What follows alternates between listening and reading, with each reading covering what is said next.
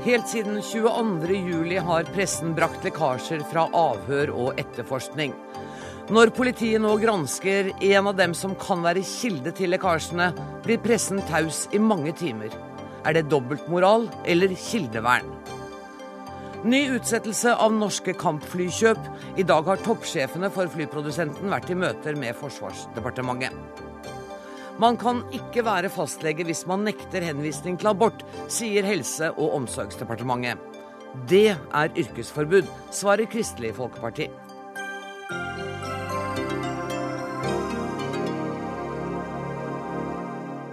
I denne sendinga skal vi også høre om nordmenn som arbeidet i sovjetpropagandaens tjeneste i Radio Moskva. Men eh, aller først. Advokat Sigurd Klomsæt etterforskes nå for å ha lekket taushetsbelagte opplysninger til pressen. Fredag ble det kjent at politiet i Oslo mente de hadde funnet kilden til noen av lekkasjene. De aller fleste medier ventet lenge med å offentliggjøre navnet hans etter at nyheten ble kjent. Vi har invitert redaktørene for henholdsvis Aftenposten, Dagbladet og Verdens Gang til å komme og forklare hvorfor de har nølt med å melde dette, men ingen av dem eller andre representanter for disse avisene hadde anledning til å delta i Dagsnytt 18 i dag. Advokat Klomsæt er blitt forespurt om å delta, men har ikke vært tilgjengelig. I en kommentar til NTB sier han at han aldri har hentet ut de aktuelle dokumentene. Men redaktør i Klassekampen Bjørgulf Bronnen, din avis var blant de første som offentliggjorde navnet etter at Oslo tingrett hadde bekreftet identiteten. Hva var grunnen til at dere gikk ut med det? Vi oppfattet det som en eh, helt uh, streit nyhet, som uh, en sak med veldig stor oppmerksomhet. Alle var klar over at uh, politiet hadde lagt ut en felle, og at det var en, var en advokat som var under etterforskning. Så vi regnet det som en helt streit nyhet som alle var interessert i å vite hvem var. Så kildevernet var ikke noe aktuell problemstilling for dere? Jeg oppfatter at kilden er jo allerede blåst, i og med at politiet etterforsker og har han mistenkt. Dermed så er jo det er jo bare publikum som ikke vet, eh, vet hvem dette er. De som, de som, eh, de som eh, etterforsker og, og de, de, som, de som opplysningene eventuelt kommer fra, de er jo da fullstendig klar over hvem det er. sånn at jeg, vi oppfatter ikke at det har noe med kildevern å gjøre, i det hele tatt. Kan jeg tolke det du sier dit hen at Klassekampen ikke ikke har mottatt uh, hemmelige opplysninger fra advokat Klomsæt? Nei, jeg kan ikke si noe om det, men, men, det er klart at når alle andre aviser velger å ikke skrive ett eneste ord om en sak som de ellers hadde skrevet stolpe opp og stolpe ned, så, eh, så syns jeg jo kanskje det er det dårligste kildevernet du kan ha. Skulle de virkelig hatt kildevern rundt denne, denne, denne, personen som nå er under etterforskning, så ville de jo måtte behandle det på en helt naturlig måte. Det ville vært et reelt kildevern. Olav Nyhus, du er sjef for juridisk avdeling her i NRK. For heller ikke kringkastingssjefen eller nyhetsredaktøren hadde anledning til å være med. Hva er grunnen til at NRK ventet til klokka 16 med å offentliggjøre navnet? Det var eh, resultat av en løpende redaksjonell vurdering. Det er slik at også NRK vil løpende dekke det som skjer i det offentlige rom, og rapportere fra det. Eh, men vi må gjøre det på en måte som gjør at vi er trygge i forhold til verken å bekrefte eller avkrefte hvem som er kilden i denne eller andre saker. Men ville dere ha bekreftet eller avkreftet det om dere hadde tillatt å komme med den opplysningen da Oslo tingrett faktisk bekreftet den i dag morges? Det var antageligvis eh, grunnlaget for den vurderingen som ble gjort, og man var veldig varsom med i denne som i andre saker om å gå ut på en måte som kunne virke i den ene eller annen retning. Du sier antageligvis betyr det at du ikke har vært med i de redaksjonelle vurderingene som er gjort her? Jeg er jurist i NRK og ikke redaktør. Nei.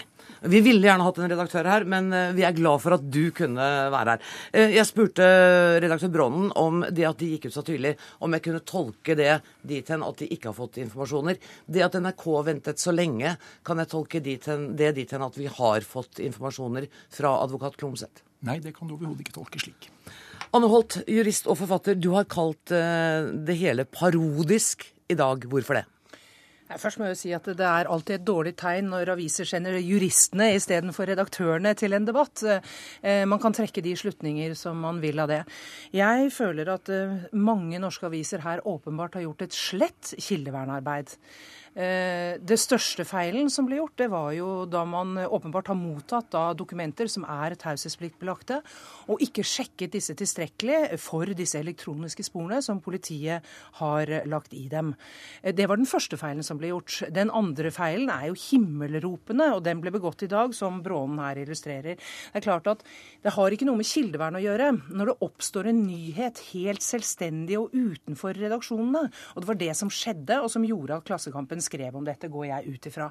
Det var altså Oslo tingrett som bekreftet at de hadde eh, visshet om hvem denne kilden var. Da er det en nyhet.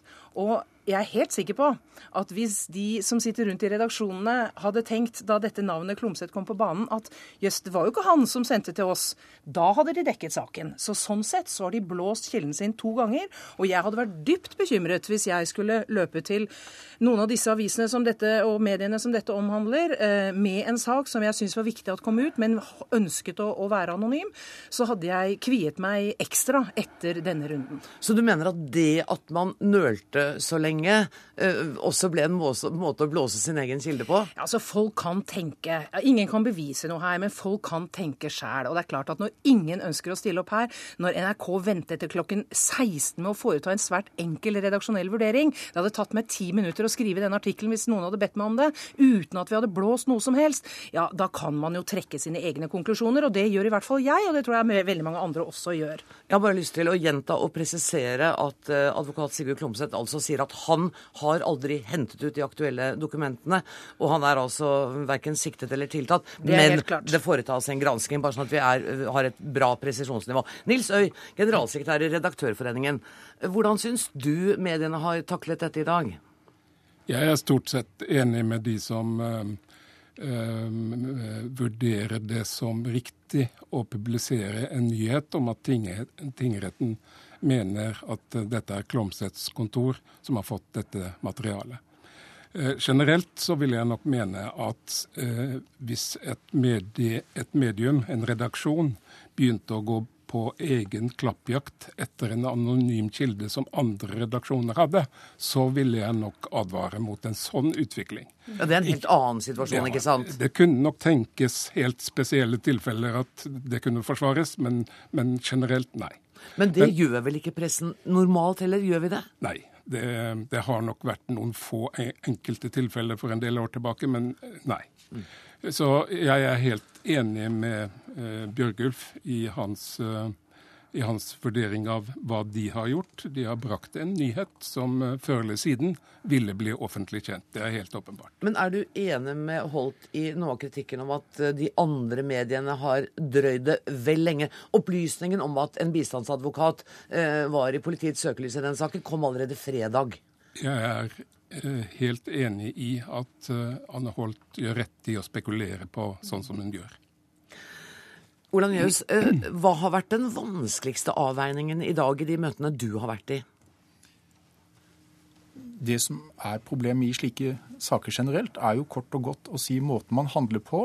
Kan det tolkes nettopp i den ene retningen eller den andre retningen, slik Anne Holt påpeker. Og, og så kan jeg godt forstå at man sier her burde man vært raskere når det gjaldt publiseringen. Eh, men eh, her har man nok et varsomhetsprinsipp om at man sier når man først går ut med en informasjon, så vil man i hvert fall være sikker på at det ikke kan tolkes slik eller slik. Og så blir det da det ulykksalige at nå tolker Anne Holt det slik. Jeg tror jeg ikke er alene om det, for å si det sånn. Uh, Nils Øyen mente jo at han hadde full forståelse for at Anne Holt la den tolkningen i det. Ja da, eh, men jeg vil gjerne føye til at det kan finnes i og for seg en viss forklaring på at redaksjoner lar være eller venter med å omtale dette. Og det kan nok eh, skyldes at kildevernet er så hellig i redaksjonene at man kanskje tenker som så at skriver vi om dette, så vil det forstyrre eller ødelegge tilliten for kildevernet. Jeg vet at det er da et godt argument også. Ja, jeg vet flere redaksjoner som i hvert fall har vært inne på den, den tanken. Men jeg er helt enig i at det er misforstått i denne sammenhengen, fordi dette er en nyhet i seg sjøl, og som kommer fra andre sider. Men ingen redaksjon kan jo selvsagt gå ut og bekrefte at det er en bestemt kilde i Nei, noen saker. Jeg skjønner det, jeg måtte bare spørre. Men, eh, men det er jo sånn at kildevernet for oss journalister skal være ukrenkelig eh, holdt. Og da du satt som programleder i Dagsrevyen, så ville vel du også synes det? Ja, jeg mener selvfølgelig at kildevernet er svært, svært viktig. Det tror jeg egentlig alle mener når de tenker seg om. Kildevernet er en forutsetning for en fri og uavhengig presse, eh, og det må vi holde hardt ved. Min første kritikk her ligger på at kildevernet er ikke blitt ivaretatt denne, i denne saken. Eh, I stedet stedet for å ivareta det på skikkelig vis eh, og ha ofret det på stresset etter gode nyheter og gode bilder, som det i dette tilfellet var, eh, sitt alter, så har man også ofret det egentlige kildevernet. Og det syns jeg er eh, Det er da det blir patetisk. For når man da oppfører seg slik man har gjort i dag, og til attpåtil, og som veldig mange erfarne ringrever i norsk presse nå prøver å gjøre, vrir debatten over at dette egentlig handler om politiets metoder, ja, da det, da blir det for meg en sånn type Da blir kildevernet bare en fasade man setter opp når man har dummet seg ut, og ikke en realitet. For at kildevernet skal være en realitet i norsk presse, det er vi alle enige om. Og det kan jo hende i denne store saken etter 22.07 at det finnes mange uh, kilder. Uh, vil, vil, man i redaksjonene Nyhus måtte ta denne diskusjonen dersom politiet skulle komme til å etterforske flere kilder, antatte kilder? Ja, jeg mener at Det grunnleggende spørsmålet er at måten vi dekker sakene på, til enhver tid skal være eller vi skal stille oss spørsmål i redaksjonene kan måten vi dekker det på, bidra til å avsløre kilden hvis det er en fortrolig kilde. Og Det dreier seg jo enten det dreier seg publisering av bilder, av dokumenter som kan være merket eller på annen måte. Dette er antageligvis noe redaksjonen må følge mer og bedre med på i fremtiden. Bronn, eh, var du overrasket over at det tok så lang tid før de andre mediene fulgte etter og offentliggjorde navnet? Ja, jeg var svært Jeg var jo egentlig overrasket tidligere. At, eh, for jeg tror det er mulig å fått den bekreftelsen fra Oslo tingrett tidligere. Og eh, nå kommer jo også bekreftelse fra politiet i dag. Eh, så jeg var på en måte Dette var ikke kjerneområdet for på en måte det vi, vi har lett i i denne saken. Men etter hvert så, så, begynte vi å se at dette her var jo helt Det var jo underlig. Det var en sånn spøkelseslignende situasjon. Så det gjorde at vi tok den telefonen og fikk jeg tror for å si det sånn, jeg tror tingretten hadde informasjonsavdelinga sittet og ventet på den telefonen svært lenge. Så det var ikke vanskelig å få den bekreftelsen? Det var ikke vanskelig å få den bekreftelsen, nei. Da har vi eh, kommet så langt, vi skal snakke mer om det, men jeg sier takk til dere, Bjørgulf Brånen, som er eh, redaktør i Klassekampen, Anne Holt, jurist og forfatter, Olav Nyhus, sjef for juridisk avdeling her i NRK, Nils Øe, generalsekretær i Redaktørforeningen. Inn i studio kommer nå et nytt sett med gjester. For som vi nå altså har sagt, så har politiet i Oslo bedt tingretten om å frata advokat Sigurd Klomsæt vervet som bistandsadvokat på bakgrunn av lekkasjene han er under, under etterforskning for. Hans Halvorsen, visepolitimester i Oslo politidistrikt. Advokat Klomsæt sier han aldri har hentet ut de dokumentene han skal ha lekket, ifølge dere. Eh, hvor sikre er dere på at dere har identifisert riktig person? Vi er sikre på at det materialet som er ute, kan vi identifisere til en kilde. Eh, og alle bistandsgatene har fått gjort dette på samme måte, så det kan jo bistandsgaten her bekrefte hvordan vedkommende henter ut disse, disse forskjellige um, bildene. Men, men, når advokat Klomsæt sier til NTB, for han har øh, da ikke svart på våre henvendelser i dag, han sier at han har ikke hentet ut dette materialet, betyr det da at det kan være en noen han samarbeider med noen på hans kontor, eller hvordan er dette? Det jeg kan i hvert fall si, at alt dette her er helt unikt for den enkelte bistandsadvokat som har fått dette, dette i hende. Og så må vi rydde opp et par ting. Eh, han etterforskes av Asker og Bærum politidistrikt. Hva er grunnen til det? Det er helt vanlig. Eh, dette er en settepolitikammersak, og da er det helt vanlig at vi sender det bort fra oss, i og med at vi er så dypt involvert i denne saken. Så det ligger det ingen dramatikk i. Dette er noe vi sendte til statsskattene, og så beslutter statsskattene hvilket politidistrikt dette skal til. Jeg mener ikke å antyde at det lå noe spesielt, jeg ville bare ha det rydda opp. Er, er, denne type lekkasjer grunn nok, etter din mening, til å frata ham vervet som bistandsadvokat og tilbakekalle det? Det skal ikke jeg si så veldig, veldig mye om. Men, men dere har, har anmodet om det? Dere har ikke vært noe særlig tvil om eh, Ja, vi har anmodet om at han skal fratas eh, vervet som bistandsadvokat bistandsadvokat. Det ikke vært noe særlig tvil om at disse lekkasjene har vært veldig veldig vanskelig for politiet, men desto mer vanskelig for de fornærmede vitnene som har vært midt oppi denne saken. Det har vært veldig veldig vanskelig for dem.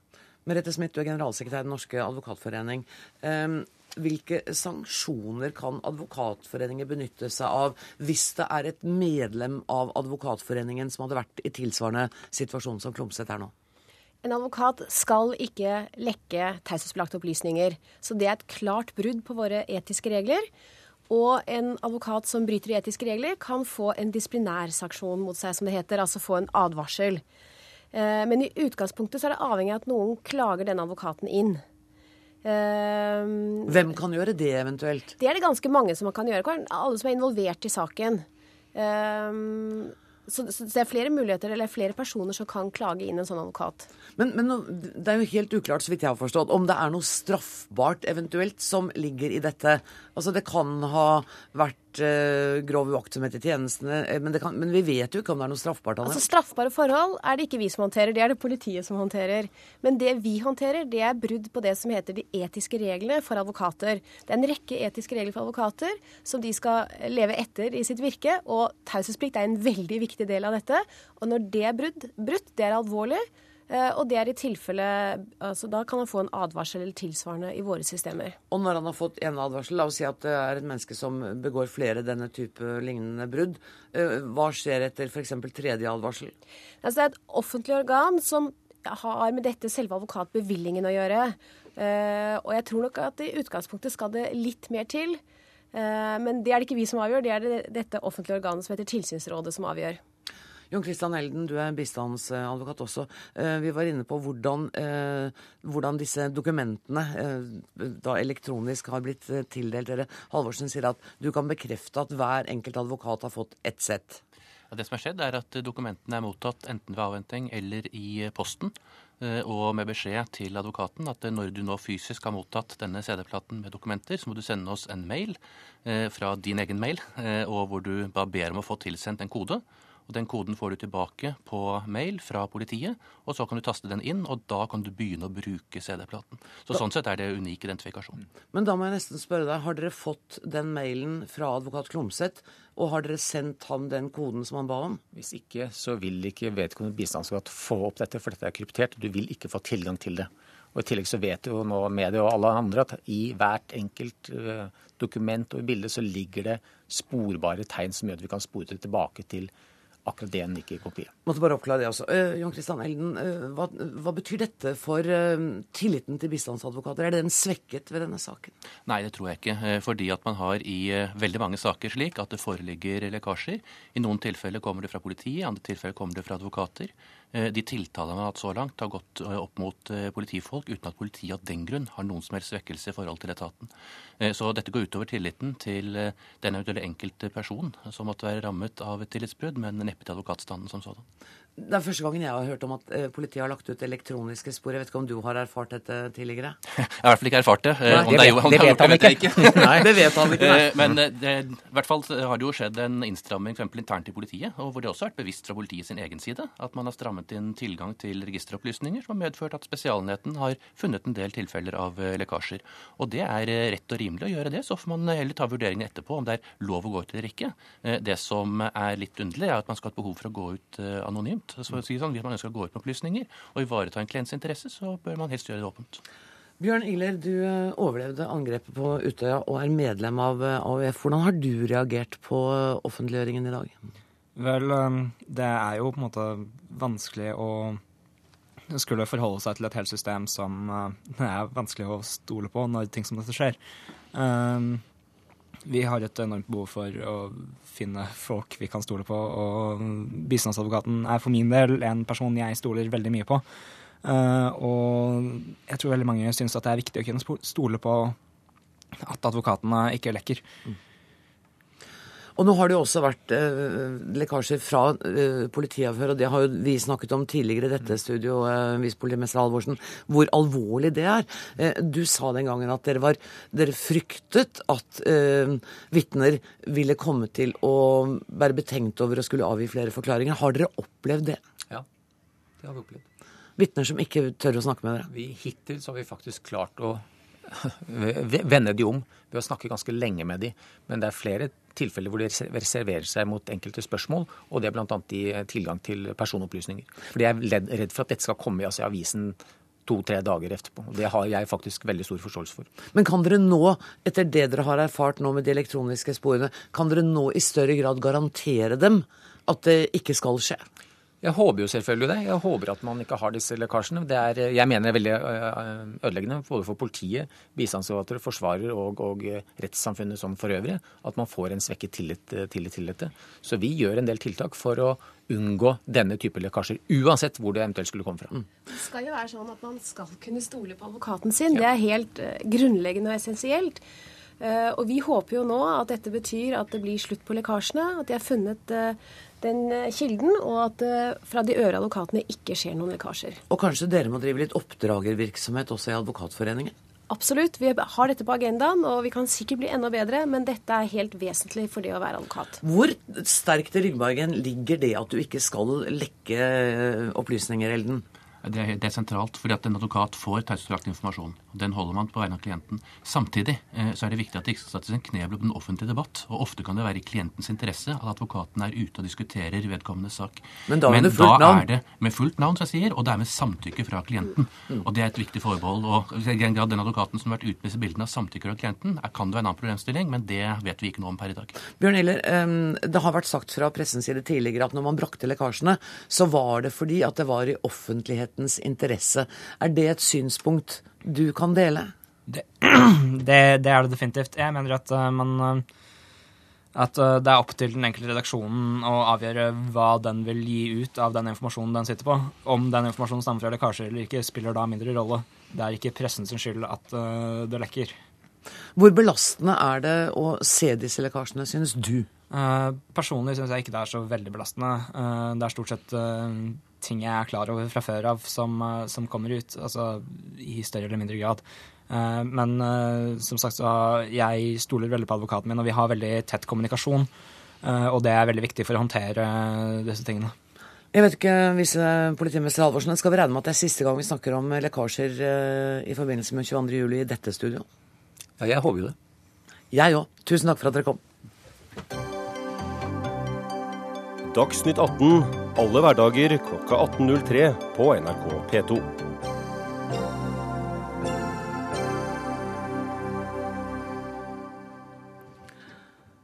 Så skal vi til statens største investering på Fastlands-Norge noensinne. For i 2018 skal Norge motta de første av de nye F-35 kampflyene. Til sammen skal den amerikanske våpenprodusenten Lockheed Martin produsere omtrent 3000 fly. Om lag 50 av disse skal til Norge, noe som vil koste oss 60 milliarder kroner.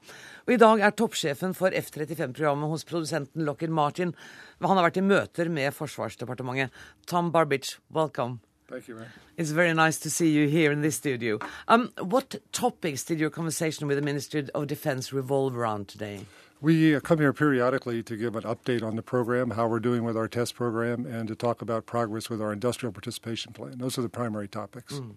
And it hasn't been going too well, has it? I think it's been going quite well. Has it? Yes.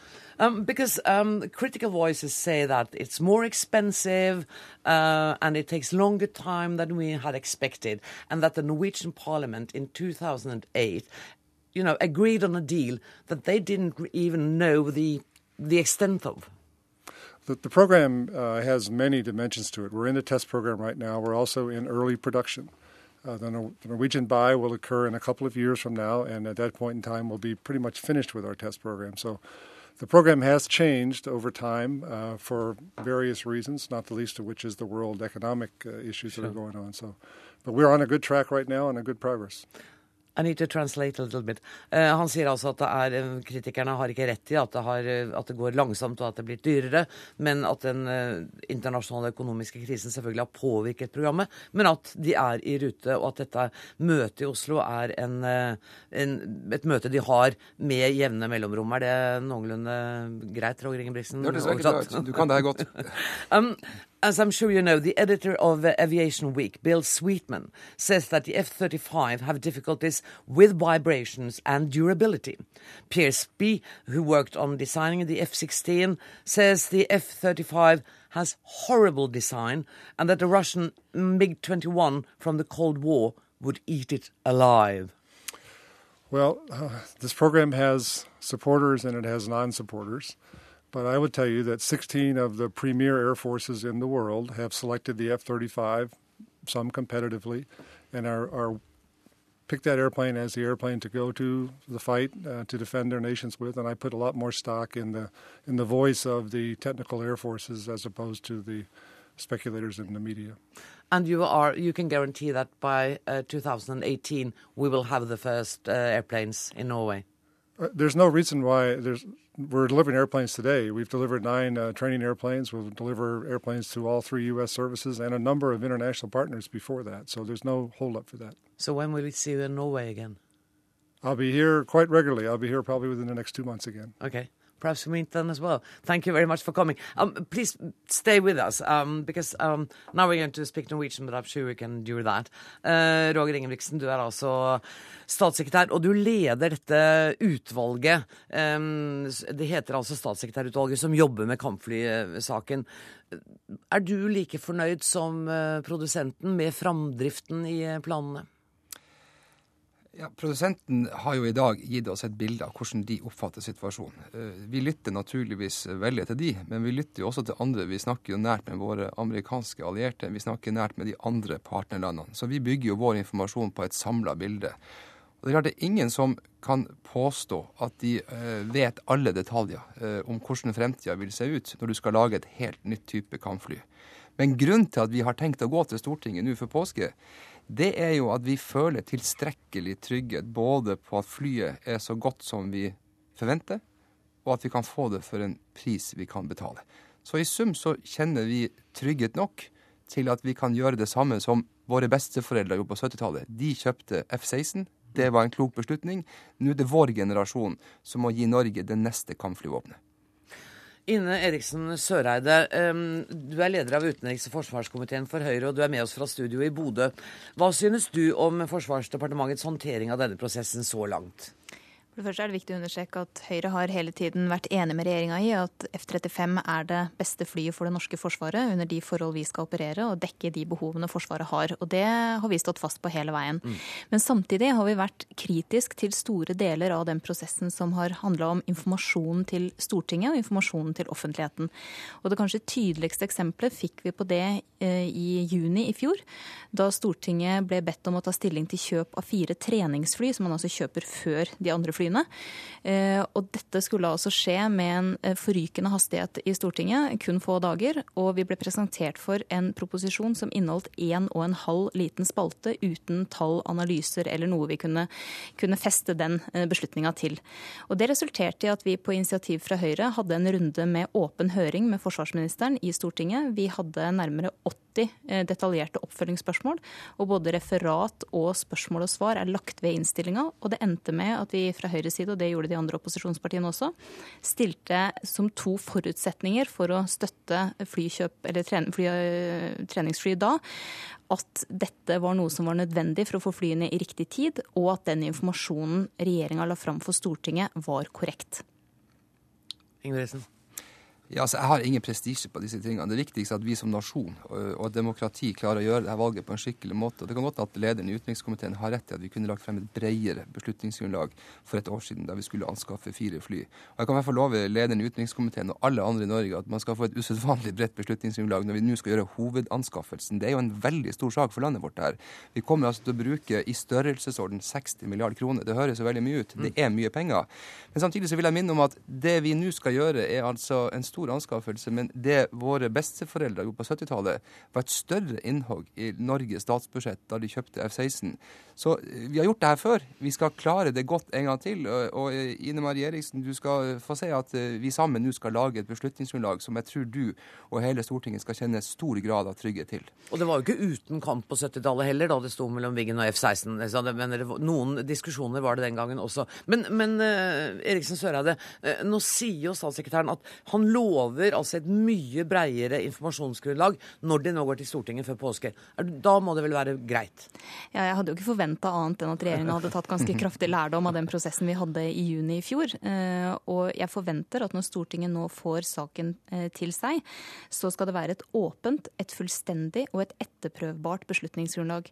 Alt annet ville være å åpne saken for omkamper, og det ville ha store konsekvenser for Forsvaret, eh, både i tid og når det gjelder økonomi Og det er jo de to store bekymringspunktene som både vi og andre har hatt, nemlig eh, leveringstid og levetidskostnader. Eh, og vi har hatt mange runder eh, i Stortinget og i, og i andre fora hvor regjeringa har vært nødt til å klargjøre uttalelser som har kommet, enten det har vært fra ansvarlige for kampflyprosjektet i Norge eller, eller andre. Eh, og det har vært en veldig unødvendig prosess, fordi at egentlig så burde man komme med tidsriktig og korrekt informasjon jevnlig, sånn at man unngikk den type usikkerhet som man dermed skaper om det som er en stor investering, en viktig investering og en riktig investering. Men det er vi jo helt enig i, og derfor skal altså Stortinget naturligvis få det. Men samtidig så vil jeg minne om at denne regjeringa har jo klart å skaffe Norge det mest moderne forsvarsmateriell, enten vi snakker om fregatter eller om annen type viktig materiell. Så det er jo vår interesse å vise at vi gjør ting skikkelig og ordentlig. Så Stortinget kommer til å bli invitert inn i et beslutningsgrunnlag som jeg tror Stortinget vil like veldig, veldig godt. Det kanskje noen i Norge ikke vil like, det at de vil oppdage når vi nå kommer til Stortinget at all kritikken vi har fått, viser seg å være feil. De prisene og de antydningene vi har gitt, vil vi vise overfor Stortinget eh, stemme, og at Norge kan skaffe dette innenfor det prisvolum vi har sagt helt siden 2008. Da setter vi strek for debatten i denne omgang, og så kommer vi helt sikkert tilbake til den. Thank you so much for coming, Mr. Tom Barbage. Og takk til statssekretær eh, Roger Ingebrigtsen og til Ina Eriksen Søreide fra Høyre.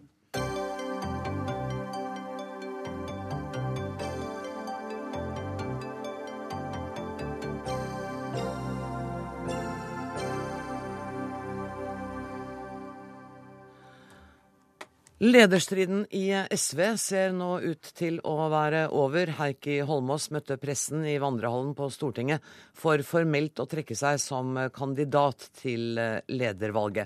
Dermed ser det altså ut som SVs nye leder blir Audun Lysbakken. Lars Nehru Sand, du er reporter i politisk redaksjon her i NRK og står i vandrehallen. Ehm, hva var det Heikki Holmås sa? Nå holder jeg ikke om å snakke akkurat nå, for beklage litt den dårlige linja her. Jeg står i blårutete dress og skjorte og forklarer at uh, når nå eh, årsmøtedelegatene i all hovedsak er valgt rundt om i SVs fylkeslag, så viser dette at han ikke har en tilstrekkelig støtte. En opptelling Dagbladet gjorde i slutten av året, viser at uh, Heikki selv hadde kun en eh, støtte blant eh, en tredjedel, litt mindre enn det, av velgerne. Vi skal høre hva Heikki Holmås eh, sier selv. Vi har for debatten som, som er i SV. Det er viktig å ha en åpen, åpen debatt.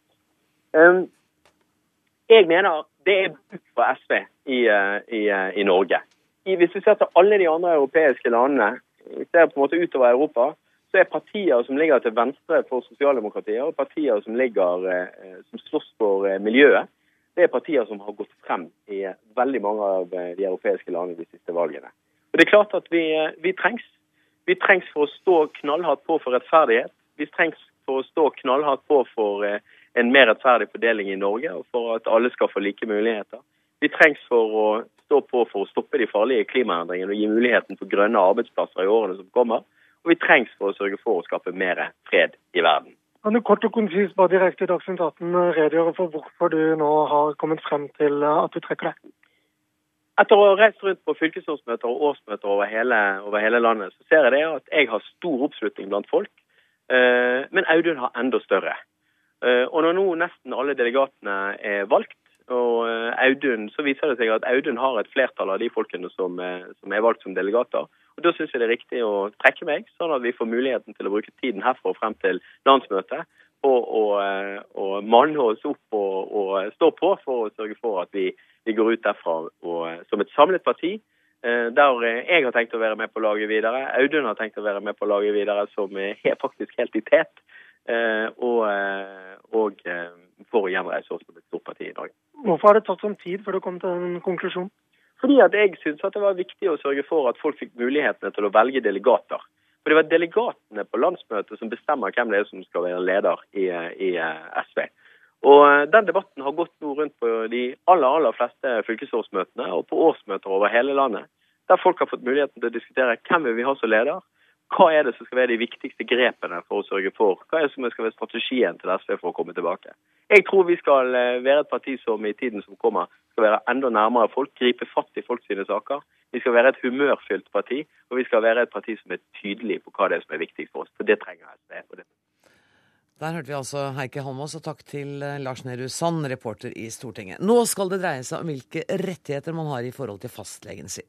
For i dag kunne vi lese at fastleger som ikke henviser til abort, de kan ikke være fastleger. Og statssekretær i Helse- og omsorgsdepartementet, Robin Kåss, det var du som sa dette til Vårt Land. Hvorfor kan ikke en fastlege bare henvise til en kollega som kan bistå pasienten? Vi er klar over det at det er en krevende situasjon for eh, de som kommer i en eh, samvittighetskonflikt. Men det som vi har lagt vekt på i denne saken, er den eh, ufravikelige retten som kvinner, altså alle pasienter, har til å få fastlegetjenester hos sin fastlege. De tre tingene som det har blitt, vært snakk om reservasjon mot, det er prevensjon, henvisning til abort, henvisning til assistert befruktning. Det mener vi helt klart hører inn under fastlegens oppgaver, altså de tingene man har rett til å få hvis man behøver det, og ta kontakt med sin fastlege. Og for enkelthets skyld så konsentrerer vi oss i Dagsnytt 18 om det ene punktet, nemlig henvisning til abort.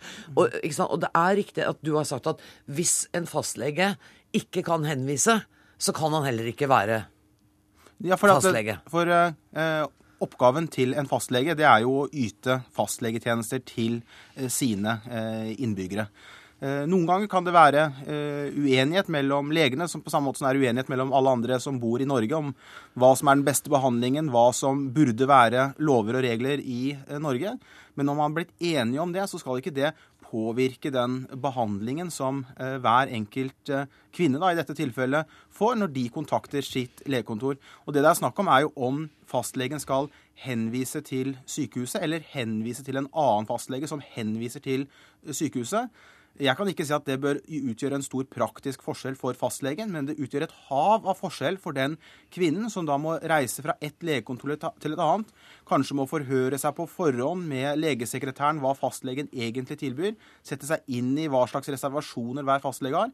Det er ikke slik fastlegeordningen er. Den er slik at man har én navngitt lege som man kan kontakte med alt man har på hjertet, og få en medisinsk begrunna eh, behandling. Dagfinn Høybråten, du mener at fastlegen bør ha anledning til å nekte å henvise?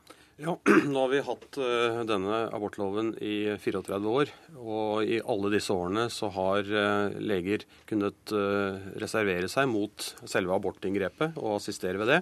Og man har også i praksis kunnet reservere seg mot å henvise til abort. Ja, har man det? Er ikke dette bare en presisering fra departementets side? Nei. Eh, dette har vært slik gjennom alle disse 34 årene, og det har ikke vært noen store problemer. Man har funnet løsninger lokalt. Dette er jo snakk om noen få hundre leger, kanskje et par hundre leger, som har samvittighetskvaler med å henvise til eh, abortinngrep. Og eh, de har på tross av det kunnet praktisere som gode, samvittighetsfulle fastleger for sine pasienter. Da vi lagde fastlegereformen, og jeg var med på det, mm. så var ikke dette noe problem i det hele tatt. Og jeg må spørre Kåss, hva er det som er bakgrunnen for dette? Er det en rapport fra Helsetilsynet om at dette er et kjempeproblem? Har helsemyndighetene avdekket at, det, at, at pasienter ikke får sine rettigheter i stort omfang? Eh, og hvis det ikke er det, eh, hittil har Kåss bare henvist til noen, noen enkeltepisoder, så må jeg si da er det et ideologisk korstog. Og hva slags ideologi er det som ligger bak at man sier at fordi du har en mening som ikke stemmer med, med statens flertallsmening, så får du se å skaffe deg en annen jobb? Mm. Hva er det som ligger bak oss? Folk må få lov ha akkurat hvilke meninger de vil. Men det som er viktig, er at når en kvinne kontakter et legekontor, at de får den eh, hjelpen som de har krav på, som er slått fast i eh, norsk lov. I eh, abortloven så har man rett til selvbestemt abort. Og det innbefatter at man også har en henvisning til, eh, til, dette eh, inngrepet.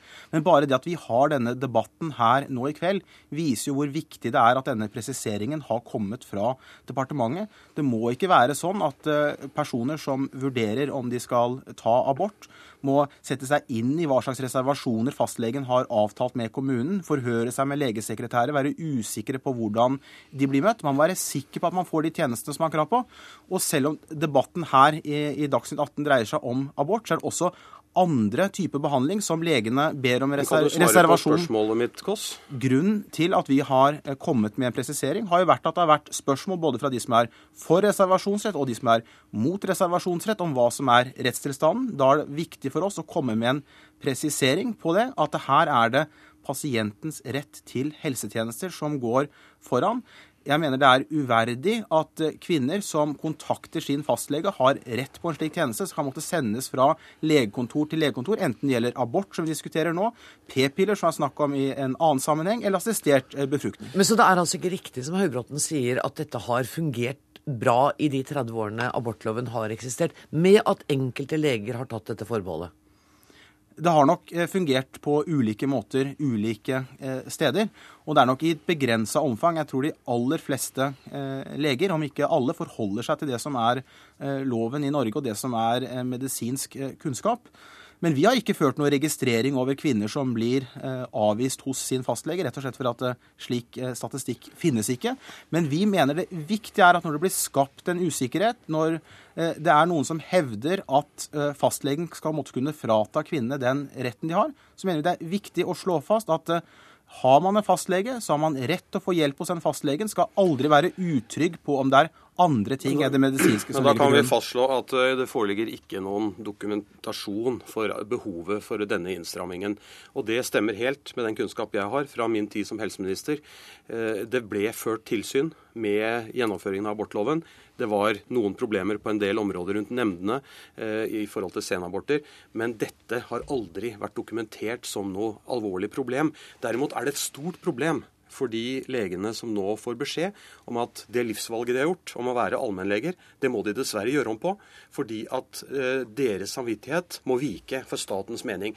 Jeg må, Nei, bare, er- si, jeg må, bare, jeg må bare få fullføre å si at her har eh, man praktisert under skiftende regjeringer med nennsom hånd en fleksibel løsning som har ivaretatt kvinnenes og andres er rett riktig. på helsetjenester, samtidig som man ivaretas legenes samvittighetsfrihet. Nei, er og så riktig. dundrer dere inn i Nei. denne glassbutikken som elefanter med en rabiat politisk handling som ligner, nei, nei, nei, mest, som ligner mest på regimer som vi ikke vil sammenligne oss med, nei, nei, hvor, hvor meningstvang Dette eh, er, det dette- som, nei, er det som ikke- styrer. Dette er ikke snakk om meningstvang. og også feil det du sier at det ikke finnes noen eksempler. Altså eksempel I mitt hjemfylke Telemark så var det et eksempel med en fastlege som eh, var mot prevensjon. Han må gjerne være det, men som da sa at de som hadde han som liste, de skulle ikke få prevensjon. Måtte da reise med bussen til en annen. men det er ikke det vi diskuterer her. Nei, nei, men jeg sier dette er var da spørsmål skal den type reservasjon være tillatt. Nei. An, nei og, og, man, eh, og kvinner som er opprørt over at de må gå fra en fastlege til en annen.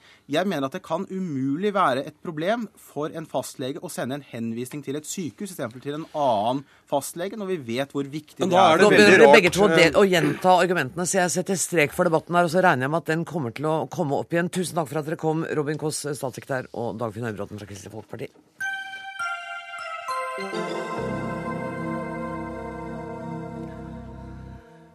Unge norske kommunister med stor fremtidstro begynte å reise til Moskva i 30-åra.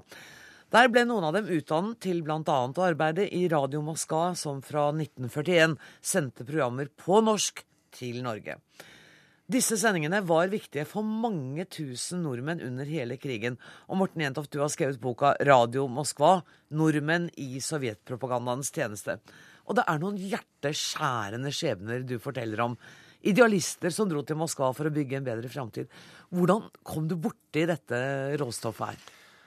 Ja, jeg har jo visst, i likhet med veldig mange, at det har vært noe i Moskva, en sendinger fra Moskva. Det har jo eh, vært kjent, da. Og i den perioden jeg var korrespondent i Moskva, altså på slutten av 90-tallet, så hendte det noe da at jeg møtte noen gjerne eldre damer da, som dukket opp på de samme tilstelningene på den norske ambassaden. da, og fortalte at de da jobbet for Radio Moskva. Og Den gangen så tenkte jeg ikke så veldig mye mer over det. Men så seinere da, så har jeg møtt eh, noen mennesker da som eh, har jobbet i Radio Moskva, nordmenn, da, som eh, mer eller mindre kan du si, litt motvillig kanskje har litt eller litt avdekket denne historien og begynt å fortelle dette miljøet rundt Radio Moskva.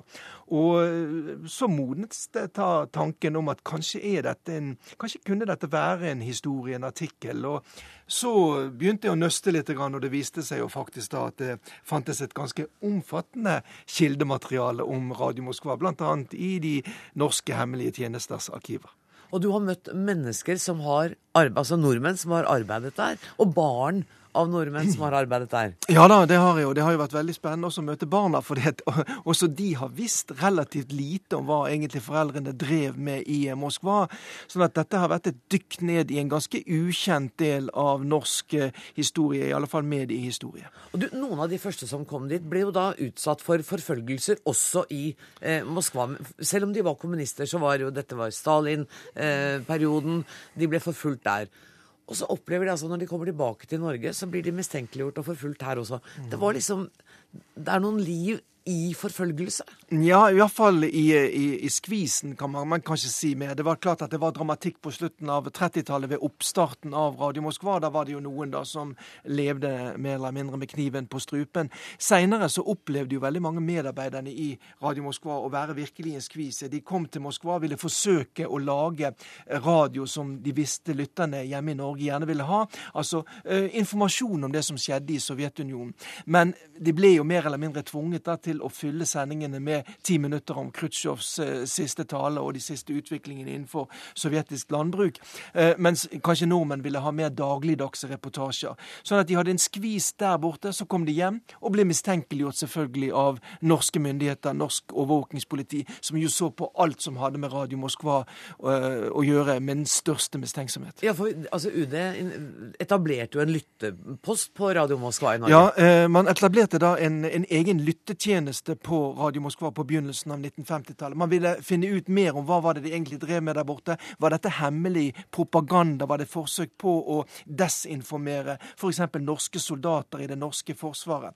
Og Da opprettet man da denne norske lyttetjenesten, sånn at fra 1951, sent på våren 1951, så satt det da en person hver eneste kveld og tok opp alle sendingene og skrev ned innholdet i dem.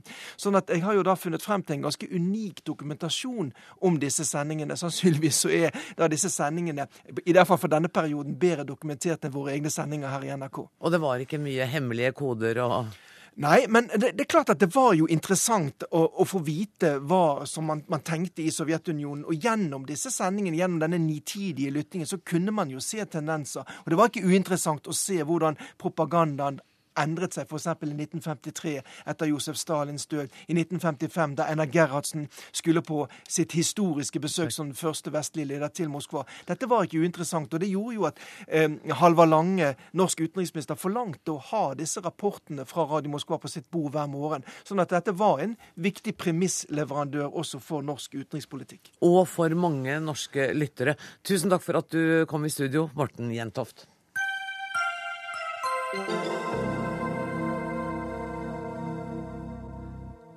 Det er forskjell på en som banker opp eller truer med å banke opp en kvinne for så å voldta henne, og en som tar seg til rette når en beruset kvinne har sovnet i senga hans. Det sa statsadvokat Hugo Henstein ved Troms og Finnmark statsadvokatembeter til VG søndag. Dette uttrykker et kvinnesyn vi er svært flinke til å tillegge andre kulturer, svarer du i VG i dag. Heidi Nordby Lunde, du er blogger og høyrepolitiker. Hva var det du reagerte sånn på? Vel, Jeg har først og fremst reagert på at en statsadvokat som representerer påtalemakten, bruker begrepet 'ta seg til rette' om det som straffeloven faktisk definerer som voldtekt, nemlig å ha seksuell omgang med noen som er bevisstløse eller av andre grunner ikke i stand til å motsette seg handlingen. Og det at eh, gjerningsmannen har brukt vold, altså voldtekten i seg selv er jo volden her, men hvis han i tillegg har eh, brukt vold eller truet med å bruke vold, så skal han straffes hardere enn for det som vi kan kalle normal eh, voldtekt. Men fraværet av straff straffeskjerpende omstendigheter skal ikke være formildende. Statsadvokat Hugo Henstein, du har sagt at du ikke helt skjønner hvorfor hun reagerer på uttalelsen. Ja, det er både rett og galt. Det er interessant det hun er inne på i bloggen sin om språkbruken. Og jeg har ikke vært meg så bevisst at man kan reagere sånn på den. Og akkurat det begrepet å ta seg til rett der ser jeg ikke skal være så ille. Men for å, legge, for å ikke være forstyrrende for det som er interessant her, straffenivået, så legger jeg nå begrepsspørsmålet dødt og kaller alt voldtekt heretter. Okay. Ja, og da, da, kan du få lov å komme til det som er uh, straffeutmålingen, for det er den du syns er feil. Når en kvinne ligger og sover, og en mann eh, voldtar henne, så mener du at straffe, straffenivået bør være lavere enn f.eks. ved en overfallsvoldtekt? Det som er med voldtekter, er at det er veldig uensarta begrep. Det omfatter overfallsvoldtekter, neddoping av kvinner for voldtekt, og der et berusa par på en fest kliner seg inn på et rom, det ene sovner, det andre fullfører det som blir til en voldtekt. Og det er klart at Fortsettet, den onde viljen her, er veldig forskjellig og tilsier en fleksibel straffeutmåling. Ja, Men dette her går ikke på kvinner som har angret dagen etter å ha sex med noen, eller at man har misforstått kommunikasjonen. Fordi, eh, som du også sier, og du introduserer begrepet sovevoldtekter, eh, vedkommende har sovnet, og overgriper penetrerer en person mot deres vilje, eller i hvert fall uten at de klarer å gjøre motstand.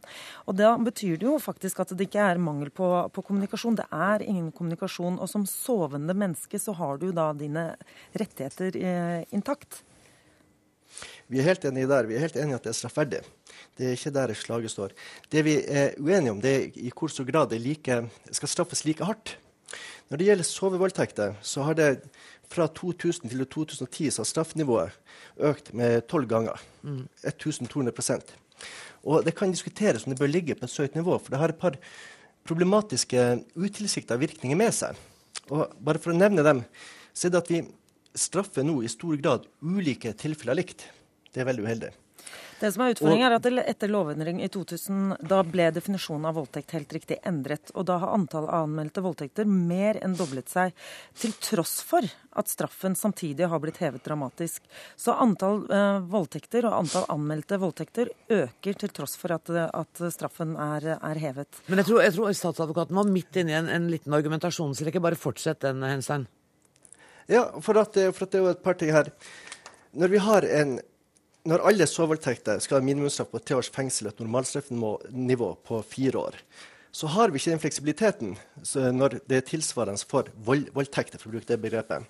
Hvorfor har du så behov for en fleksibilitet? Bare, hva, hva, er, hva, er, det du må ha den fleksibiliteten i forhold til? Er det fordi du mener at en voldtekt av en kvinne som ikke er bevisst, er en, et mindre overgrep enn om hun er våken? Det vil ofte være forskjellen i den onde viljen her. Ja, Men den onde viljen dømmer vi vel ikke? Jo, det er akkurat det vi gjør. Det er, det det er en veldig viktig faktor for å utmåle straff. Det er hvor eh, sterkt er fortsettet her. Og det er veldig stor forskjell på den som følger etter noen hjem fra byen og planlegger en voldtekt, og noen som forgriper seg på fest eh, etter å ha gått inn på et rom i lag, og noen har sovna, og den andre fortsetter. For det som opptar meg aller mest her, det er at det straffenivået vi, det straffenivået vi nå har, det bidrar til at voldtatte kvinner ikke blir trudd på at de er voldtatt. Det beste blir her det godes fiende. Og Det ser vi tydeligvis går i rett med disse sakene. Vi opplever gjerne domfellelse i tingretten, der det er meddomsrett, som begrunner avgjørelsen sin. Så opplever vi frifinnelse i lagmannsretten, der det er jury. Og hva juryer tenker inne på juryrommene sine, det vet ikke jeg. Men det er iallfall rimelig å anta at de vektlegger hva de syns er et rimelig resultat, mer enn hva som er et rett resultat etter loven. Mm. Og for mange i juryen så, så syns de straffen vil være for streng hvis de svarer ja, og svarer heller nei. Og det er helt feil, selvfølgelig, men det medfører at jenter blir ikke trodd. De får ingen bekreftelse på at det de har gjort, ikke var feil, og at det var den som forgrep seg, som hadde ansvaret. Er det riktig at, at jenter ikke blir trodd når de har blitt utsatt for en sovevoldtekt? For det første så, så, er jeg enig med statsadvokaten i at det skal være forskjell på når det er straffeskjerpende forhold til stede, f.eks. man har fulgt gjennom og brukt grov vold for å voldta. Men volden her er voldtekten i seg selv. Når det gjelder det som skjer på juryrommet, så vet vi faktisk litt om det. Fordi det har vært undersøkelser på synet til jurymedlemmer som har gjort at bl.a. Riksadvokaten satte ned en gruppe som skulle se på juryordningen for å finne ut hvorfor så mange frifant dømte voldtektsforbrytere.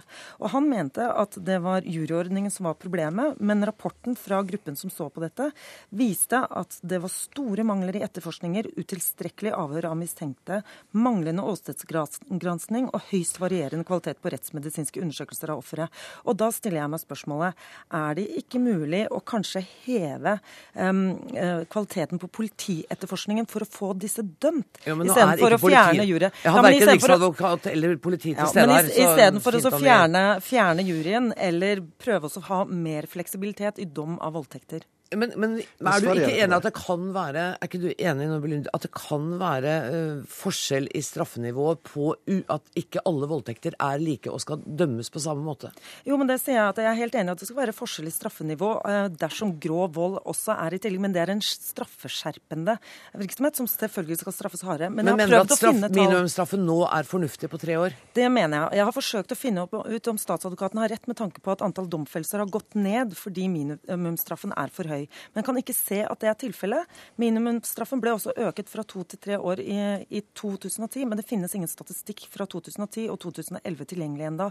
Og siden vi også har hatt en, mer enn en dobling av anmeldte voldtekter siden 2000, men, men heller ikke sett noe da reduksjon i antall domsfelte, så ser jeg faktisk ikke at du har noe statistisk grunnlag for å hevde det du sier. Henstein. Det er i hvert fall noe vi helt klart opplever. Og bare for å komme tilbake til, eh, til politiets etterforskning. Vi tar jo de her sakene gjennom to instanser. I tingretten holder bevisene. Der er etterforskninga god nok.